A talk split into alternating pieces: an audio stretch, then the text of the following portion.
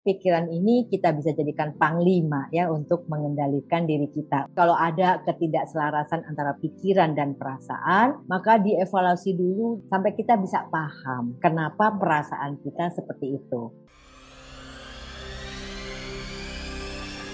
Ngobrol dan cerita di anyaman jiwa yuk. Tenang, kamu gak sendiri kok. Sobat Medio, yuk ngobrol bareng Wisnu Nugroho, pemimpin redaksi Kompas.com sekaligus host dari podcast Beginu. Kita bakal ngobrolin tentang apa saja sih hal seru yang terjadi di belakang layar podcast Beginu. Makanya jangan sampai ketinggalan dan catat agendanya. Di hari Rabu tanggal 2 Februari 2022 pukul setengah 7 malam live di Instagram at Medio by KG Media dan at Beginu. Biar makin seru, akan ada giveaway voucher gramedia.com senilai 100 ribu rupiah untuk dua orang pemenang loh. Jadi Sobat Medio, jangan lupa untuk ikuti live Instagramnya ya. Podcast Beginu, bukan begini, bukan begitu. Halo kamu, apa kabar? Selamat datang di podcast Anyaman Jiwa. Podcast yang berbicara mengenai kesehatan mental individu. Mulai dari ranah pekerjaan, hubungan percintaan, dan juga sebagai makhluk sosial. Buat kamu yang ingin menambah wawasan mengenai kesehatan mental, Yuk, simak baik-baik podcast Anyaman Jiwa. Saya Rara Kalesaran. Nah, pada episode hari ini kita akan membahas sesuatu yang spesial, yaitu masalah dalam diri atau pikiran versus perasaan. Sebelum mendengarkan obrolan kali ini, jangan lupa dulu nih, follow dan beri rating terbaikmu untuk podcast Anyaman Jiwa di Spotify, serta nyalakan notifikasinya supaya kamu bisa terinfo nih setiap ada episode terbaru yang tayang hari Rabu dan Jumat. Pada dasarnya, pikiran dan perasaan adalah dua hal yang berbeda, layaknya dua sisi koin. Secara singkat, pikiran adalah logika yang digunakan untuk bernalar, sementara perasaan adalah reaksi emosi terhadap suatu stimulus. Namun, dalam suatu kondisi seperti jatuh cinta, pikiran dan perasaan seperti dituntut untuk jalan bersamaan, sehingga hubungan dapat berjalan dengan mulus. Selain itu, untuk dapat bijaksana menyelesaikan suatu masalah, pikiran dan perasaan harus disatukan. Sayangnya nih, mempertemukan pikiran dan perasaan bukan hal yang mudah. Nah, kita sering kali kan gagal ya dalam mengendalikan pikiran karena kalah pada perasaan atau juga mungkin sebaliknya. Nah, Terus bagaimana cara menyatukan keduanya supaya lebih selaras? Yuk kupas tuntas mengenai masalah dalam diri, pikiran versus perasaan bersama dengan Ibu Astrid Regida Sapii, psikolog klinis dan CEO Dear Astrid. Hai Bu Astrid. Halo, halo Mbak Rara.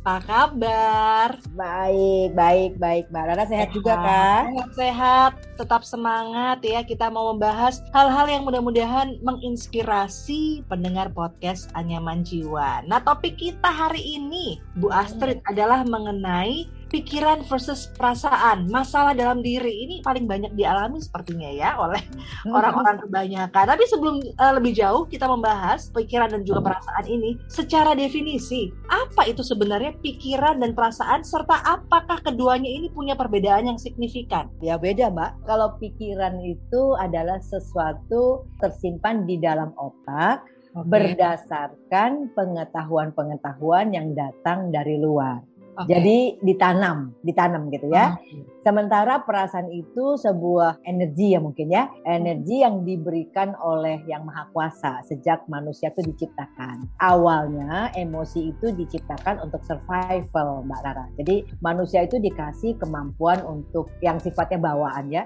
untuk yeah. membedakan paling awal adalah antara bahaya dan tidak bahaya.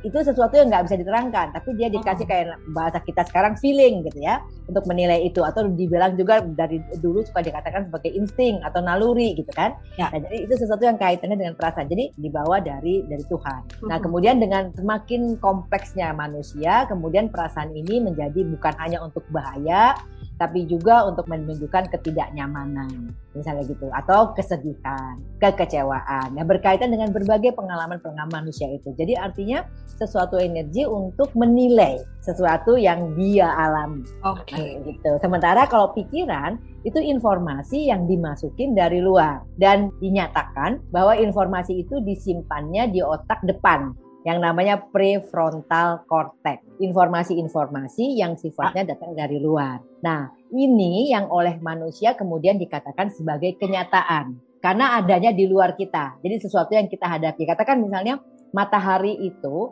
itu menimbulkan rasa di kita yang disebut sebagai panas. Jadi Hmm. semua hal yang rasanya seperti rasa kalau kita kena matahari itu disebut dengan panas. Oke. Mbak Rara. Itu yang namanya informasi. Kalau kemudian misalnya kalau gelap ini ini namanya malam. Kalau Hmm. terang ini namanya siang. Nah, terus kemudian manusia bikin kesepakatan. Misalnya warna biru itu yang kayak gini, merah seperti ini, hijau seperti ini gitu kan. Ya. Lalu dalam bahasa masing-masing eh, dalam kelompok komunitas masing-masing ada penamaan-penamaan dari seluruh benda yang ada di sekitar, seluruh kejadian yang ada di sekitar. Nah, pada saat kemudian anak itu bertumbuh, orang-orang yang mengasuh memasukkan semua informasi itu. Nah, itu jadi pikiran. Ah, oke. Gitu Mbak Rana. ya. Nah, kalau Bu Astrid bandingin keduanya ini kan berbeda jelas ya pikiran sama Ah. perasaan. Tapi mana yang sebenarnya lebih penting untuk dimiliki seseorang? Mm-mm. Pikiran atau perasaan kah? Sebetulnya kalau manusia melatih perasaannya, perasaan lebih jujur Mbak Rana. Oke. Jadi dia sebetulnya bisa kayak eh, mengatakan sebetulnya apa yang terjadi. Katakan bisa gini, contoh sederhana gini ya. Mbak Rara marah sama saya. Ya. Tapi saking Mbak Rara ini manusia beradab yang sangat terdidik gitu kan ya. Mm-mm. Mbak Rara bisa menutupi rasa marah itu dengan ngomong yang halus sekali. Marahmu itu ditahan dan ngomongnya halus banget. Tapi kalau perasaan saya tajam, saya bisa rasa ini nggak lurus nih antara yang diomong sama yang dirasa gitu ya. Ini sebetulnya kurang nyaman apa nih? Ini sebetulnya kurang nyaman. Jadi kalau perasaan saya tajam, saya bisa merasakan bahwa apa yang Mbak Rara katakan itu tidak sesuai dengan apa yang ada di hati Mbak Rara. Nah, Jadi kejujuran itu lebih tampil di emosi. Dan Mbak Rara kalau pernah dengar komunikasi nonverbal, ya. nah ya. Nah kalau komunikasi nonverbal adalah komunikasi tanpa kata-kata Mbak Rara ya. Nah, iya. Nah, untuk orang-orang yang polos dan tidak terlatih, kita akan bisa ngeliat komunikasi nonverbal yang kadang tidak cocok sama komunikasi verbalnya. Katakan misalnya gini, dia mencoba untuk berbohong, tapi sebetulnya di hati kecilnya dia bilang ini bohong gitu kan ya, atau dia merasa bersalah. Ya. Maka kita akan ngeliat gitu kebohongannya itu dalam nonverbalnya. Jadi dia mengatakan sesuatu, tapi kita juga ngeliat dia nggak yakin gitu kan ya. Ada sesuatu yang nggak beres di sini gitu kan. Kenapa itu terjadi? Karena si emosi ini ingin menampilkan diri dan dia tampil dalam bahasa tubuh. Nah, jadi komunikasi nonverbal dikatakan lebih jujur dari komunikasi yang verbal. Karena verbal itu dikendalikan oleh pikiran. Kamu harus ngomong gini, gini, gini. Pantesnya mesti begini. Pantesnya enggak bolehnya begini. Kalau ngomong sama orang tua mesti gini. Kalau anak muda gini, anak kecil gini. Semua sudah ada ada tatanan aturannya. Jadi diatur, dikontrol. Sementara perasaan kan cuma ada suka nggak suka, nyaman nggak nyaman kan gitu sebetulnya. Iya. Nah, jadi dia bisa dengan lebih jujur menyampaikan apa yang sebetulnya terjadi pada seseorang. Jadi, sebetulnya kita harusnya lebih percaya sama perasaan. Nah, cuman Mbak Tara, manusia ini sangat-sangat jarang melatih perasaannya, gitu ya. Jadi biasanya malah kalau dalam anak itu dibesarkan, orang tua jarang mengajari dia hal-hal yang berkaitan sama emosi. Sampai ada teori kecerdasan emosi. Orang mesti diajarin gimana caranya uh, mengendalikan diri secara emosional. Karena biasanya nggak di ini, nggak dilatih secara khusus. Jadi dengan kemodernan ya, Ya. kita kan kemudian menyandarkan diri kepada teknologi. Maka otomatis perasaan itu akan tumpul dan Hmm. untuk kesepakatan bersama kita sering menganggap yang bisa dipikir, yang bisa dinalar, yang rasional itu yang objektif. Maka kita harus lebih percaya sebenarnya gitu kan. Kalau manusia menganggap begitu. Sementara kalau emosi itu subjektif. Cuma masalahnya sekarang nih ya, apalagi cewek nih sering Iya. Diasosiasikan, ah kamu kebanyakan baper, bawa Hmm. perasaan, pakai logika aja lah, logis aja gitu. Mm-mm. cowok gitu ya jadi Hmm. kamu gak gampang sakit hati katanya begitu nih jadi memang selalu dari dulu nih pikiran sama perasaan ini beradu gitu ya Betul. seperti judul kita juga versus gitu pikiran versus perasaan nah sebenarnya gimana nih bu Eh, apakah sebenarnya dalam prosesnya begitu ya ada suatu faktor tertentu yang memunculkan masalah pada pikiran dan juga perasaan ini Ada yang kita sebut dengan disonansi kognitif gitu ya. Jadi disonansi kognitif itu nggak nyambung sebetulnya antara pikiran dan perasaan ya. Jadi misalnya gini, saya merasa yang harus saya bikin ini A. Tapi kalau saya bilang A, ini akan menimbulkan keributan gitu ya. Perasaan saya ini nggak boleh diikutin. Karena orang ingin denger B bukan A. Biarpun B ini salah gitu. Nah, maka kemudian saya akan mengatakan B, biarpun perasaan saya bilang A. Nah, saya menjadi orang yang terdisonansi. Jadi nggak tulus sebetulnya. Apa yang saya ucapkan dengan apa yang saya rasa nggak sama, Mbak Rara. Nah, ini bisa disengaja untuk banyak hal. Kita kadang-kadang bohong gitu ya. Ada yang disebut dengan white lies, bohong Iya. putih ya, bohong putih. Saya harus bohong. Kalau nggak bohong nanti ibu saya sakit hati. Daripada dia sakit jantung, mendingan saya bohongin aja kan gitu. Itu white lies. Maka Iya. kemudian perasaan saya mengatakan nggak boleh ibu kamu tuh dibohongin. Kamu nggak kualat kamu gitu. Kamu dosa. Loh, tapi kalau dia nggak dibohongin nanti dia serangan jantung gimana? Kan salah kita. Nanti kemudian perasaan kita di dalam ribut kan. Kamu kok bohong sih gitu-gitu ya. Tapi, tapi kita ngomong dan dengan pikiran kita, kita bilang kalau dia harus dibohongin. Kalau enggak nanti dia serangan jantung. Seperti itu misalnya Nana. Ah, oke. Tapi memang ini selalu eh, saling ini ya, kontradiktif. gitu. Sekarang ke- kita bi- bicara dari fenomena percintaan nih. Ada istilah ya ketika cinta yang membutakan rasionalitas yaitu bucin atau budak cinta. Ya, berarti. Budak cinta juga ketika kita sedang ragu dengan hubungan percintaan kita kadang berpikir bener nggak ya dia cocok sama aku atau aku cuma dimabuk cinta aja. Nah, dari fenomena ini sebenarnya bener nggak perasaan dan juga pikiran adalah sesuatu yang sebenarnya nggak bisa menyatu gitu. Ya, sebenarnya enggak juga. Kadang-kadang ada juga sih yang pikiran dan perasaan bisa selaras. Jadi misalnya perasaan saya mengatakan ya benar. Kemudian saya ukur secara otak, oh iya benar. Nah itu Hmm. bisa. Tapi kadang-kadang juga bisa berlawanan. Nah sebetulnya Mbak Rara ini yang dilakukan sama psikolog sebetulnya kan. Pada saat misalnya ya Mbak orang menjadi korban kekerasan dalam pacaran misalnya ya, Ya. eh, apa dating violence gitu. Si pacarnya melakukan kekerasan. Terus misalnya dia bilang gini, saya cinta sama dia. Dia juga cinta sama saya. Jadi pasti dia khilaf. Dia mukul saya pasti karena dia khilaf. Oke, itu logik karena dia eh, bucin tadi. Nah kita bilang sama dia gini, oke, kalau khilaf itu bisa nggak ya terjadi berulang-ulang? Ya bisa, nggak bisa. Kalau orang khilaf mah satu dua kali. Kalau 10 kali, 20 kali khilaf terus ya bukan dong gitu kan. Masa masa khilaf eh, jadi keterusan seperti itu. Nah itu maksudnya kita kan mencoba mengajak dia untuk jangan buta dong, jangan bucin, buka dong matanya. Kalau terus-terusan kamu ditonjok bolak-balik, itu namanya kekerasan waktu pacaran. Kalau dia pacaran dan memang mungkin dia cinta sama kamu, tapi dia orangnya nggak bisa kendalikan emosi gitu dan dia melakukan kekerasan kepada kamu. Perasaan dan pikiran bisa tidak sama kalau lagi dalam kondisi cinta, karena kalau dalam kondisi cinta kita selalu mencari pembenaran. Iya, Sehingga pikiran rasional jauh dari kenyataan. Kita yang mencoba membantu ngajak dia mikir. Akhirnya mungkin yang jadi target kita, oke, kamu mungkin emang cinta sekali sama dia, mungkin dia juga cinta sama kamu, tapi orang ini nggak bisa mengendalikan emosi. Jadi kalau dia marah, dia mesti berlebih. Jadi dia adalah pelaku kekerasan. Nah, kamu harus terima orang yang cinta sama kamu ini abuser. Nah, jadi sekarang terserah, gitu kan? Apakah kamu mau memaknakan perilaku penganiayaannya ini sebagai cinta? Ya. Ya. monggo, gitu ya. Sampai kamu mungkin suatu ketika wafat Hmm. Nah gitu. Jadi artinya kadang-kadang kita nggak bisa kemudian menggoyangkan persepsi dia, saking bucin ya kan. Tapi Ya. paling nggak mungkin kita ngajak dia berpikir dan kemudian memperlihatkan fakta sehingga akhirnya walaupun dia bucin dia tetap bisa lihat bahwa itu memang pelaku kekerasan gitu. Mbak. Ah, oke. Artinya tadi seperti Bu Astrid bilang nih ya, bahwa pikiran dan perasaan sebenarnya bisa selaras loh. Asalkan kita selalu eh, bisa berpikir secara rasional gitu ya. Dengan perasaannya yang lebih dikuatkan ketika pasangan kita melakukan tindakan kekerasan lalu kita biasa aja denying, gitu. denying gitu ya Pak. Nah, Eh, gitu. mengatakan Nah. enggak, enggak, enggak gitu. Nah, pengalaman berbenturnya pikiran ya dan juga perasaan ini adalah hal yang normal sebenarnya yang sering terjadi di manusia. Nah, kalau menurut Bu Astrid nih ya, ada nggak sih yang bisa kita lakukan untuk mempertemukan dan juga menyelaraskan keduanya? Oke. Nah sebenarnya Mbak Rara orang bermasalah itu sebenarnya kalau kita rumuskan dalam rumusan sederhana itu kan sebenarnya mustinya begini tetapi begitu. Jadi nggak lurus antara perasaan dan pikiran bisa nggak lurus ya. Mustinya begini tetapi begitu. Nah kita kalau mencoba untuk menyelaraskan nomor Ya. satu kita masuk dari pikiran dulu karena itu sesuatu yang bisa dihubungkan sama pengetahuan. Jadi lebih mudah, lebih mudah untuk dimodifikasi karena itu masuknya dari pengetahuan.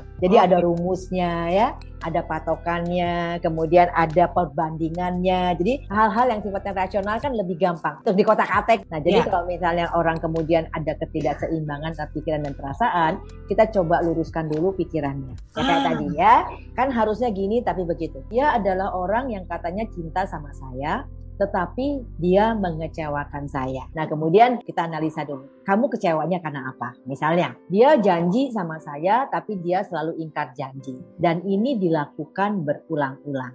Oke, jadi orang yang kamu cintai itu selalu ingkar janji. Terus kita bilang, apakah orang yang dicintai harus tidak pernah ingkar janji? Ya harusnya begitu. Kata siapa itu? Nah, sekarang kalau memang dia ingkar janji, tapi dia mencintai kamu, apakah itu tidak mungkin?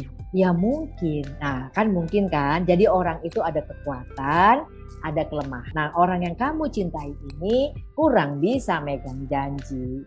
Nah, sekarang terserah kamu, kamu cinta sama orang yang kurang bisa megang janji. Ya, jadi artinya Manusia nih ternyata, pikiran dulu. Iya, pikiran dulu. Jadi dia suruh nalar dulu. Jadi diluruskan sehingga pada akhirnya seseorang itu bisa bilang ya marah tuh nggak apa-apa, sedih tuh nggak apa-apa, kecewa itu nggak apa-apa. Itu semua emosi yang bisa terjadi karena kejadian-kejadian. Tapi itu tidak harus kemudian menghilangkan cinta kan gitu mbak Rara? Hmm, baik. Kecuali, jadi emosinya ya teman-teman ya. sahabat anyaman jiwa semuanya utamakan pikiran dulu. Ketika kadang-kadang kita bingung mana nih ya pikiran dan perasaan? Yang mana yang dahulukan? Pikiran Betul. dulu ya. Iya. nah pendengar anyaman jiwa mungkin juga pernah mengalami kesulitan untuk menyelaraskan antara pikiran dan juga perasaan. Hmm. walaupun mungkin sebenarnya tidak selalu harus selaras walaupun bisa begitu ya. Mm -hmm. Kalau ada kondisi-kondisi tertentu yang tadi itu ya misalnya toksik, nggak baik dan lain sebagainya. Mm -hmm. Nah, mungkin Bu Asep punya tips efektif begitu ya untuk bagaimana cara kita bisa apa ya mengharmonisasikan si pikiran dan perasaan dalam diri kita ini.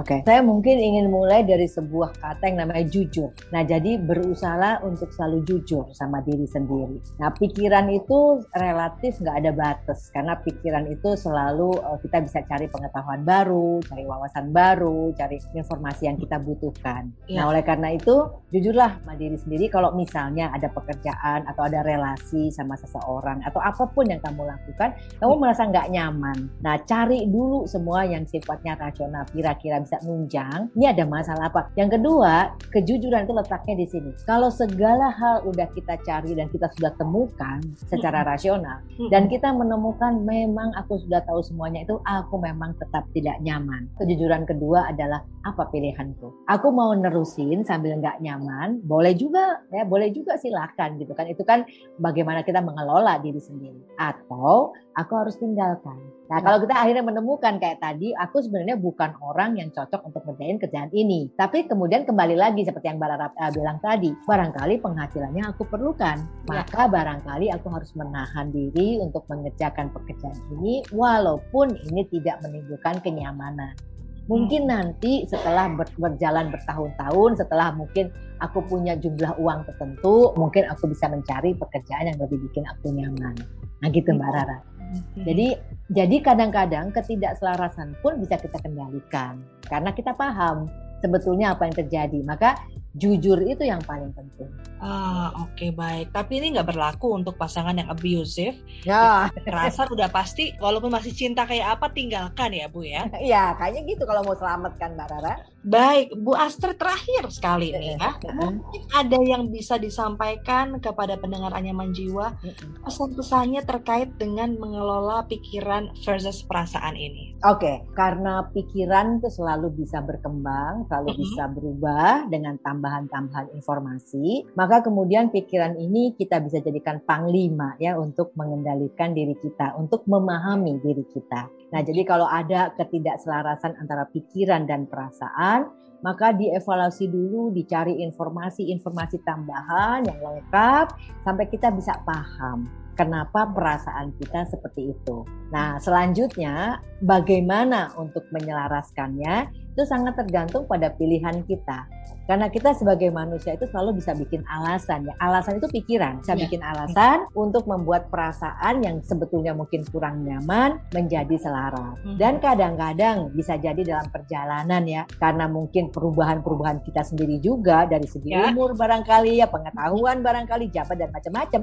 Mungkin kadang-kadang si perasaannya terselaraskan sendiri. Jadi jangan takut dengan perbedaan pikiran dan perasaan. Karena itu adalah dinamika hidup kita dan itulah yang akan menciptakan perubahan-perubahan yang artinya kita akan lebih matang, lebih dewasa dan bertransformasi jadi pribadi yang lebih baik. Ih, kece sekali. Terima kasih. Selalu Sama-sama. menginspirasi di setiap episodenya. Mudah-mudahan nanti kita bisa berbincang kembali dengan topik-topik lain yang juga tidak kalah menarik. Terima kasih Mbak Rara.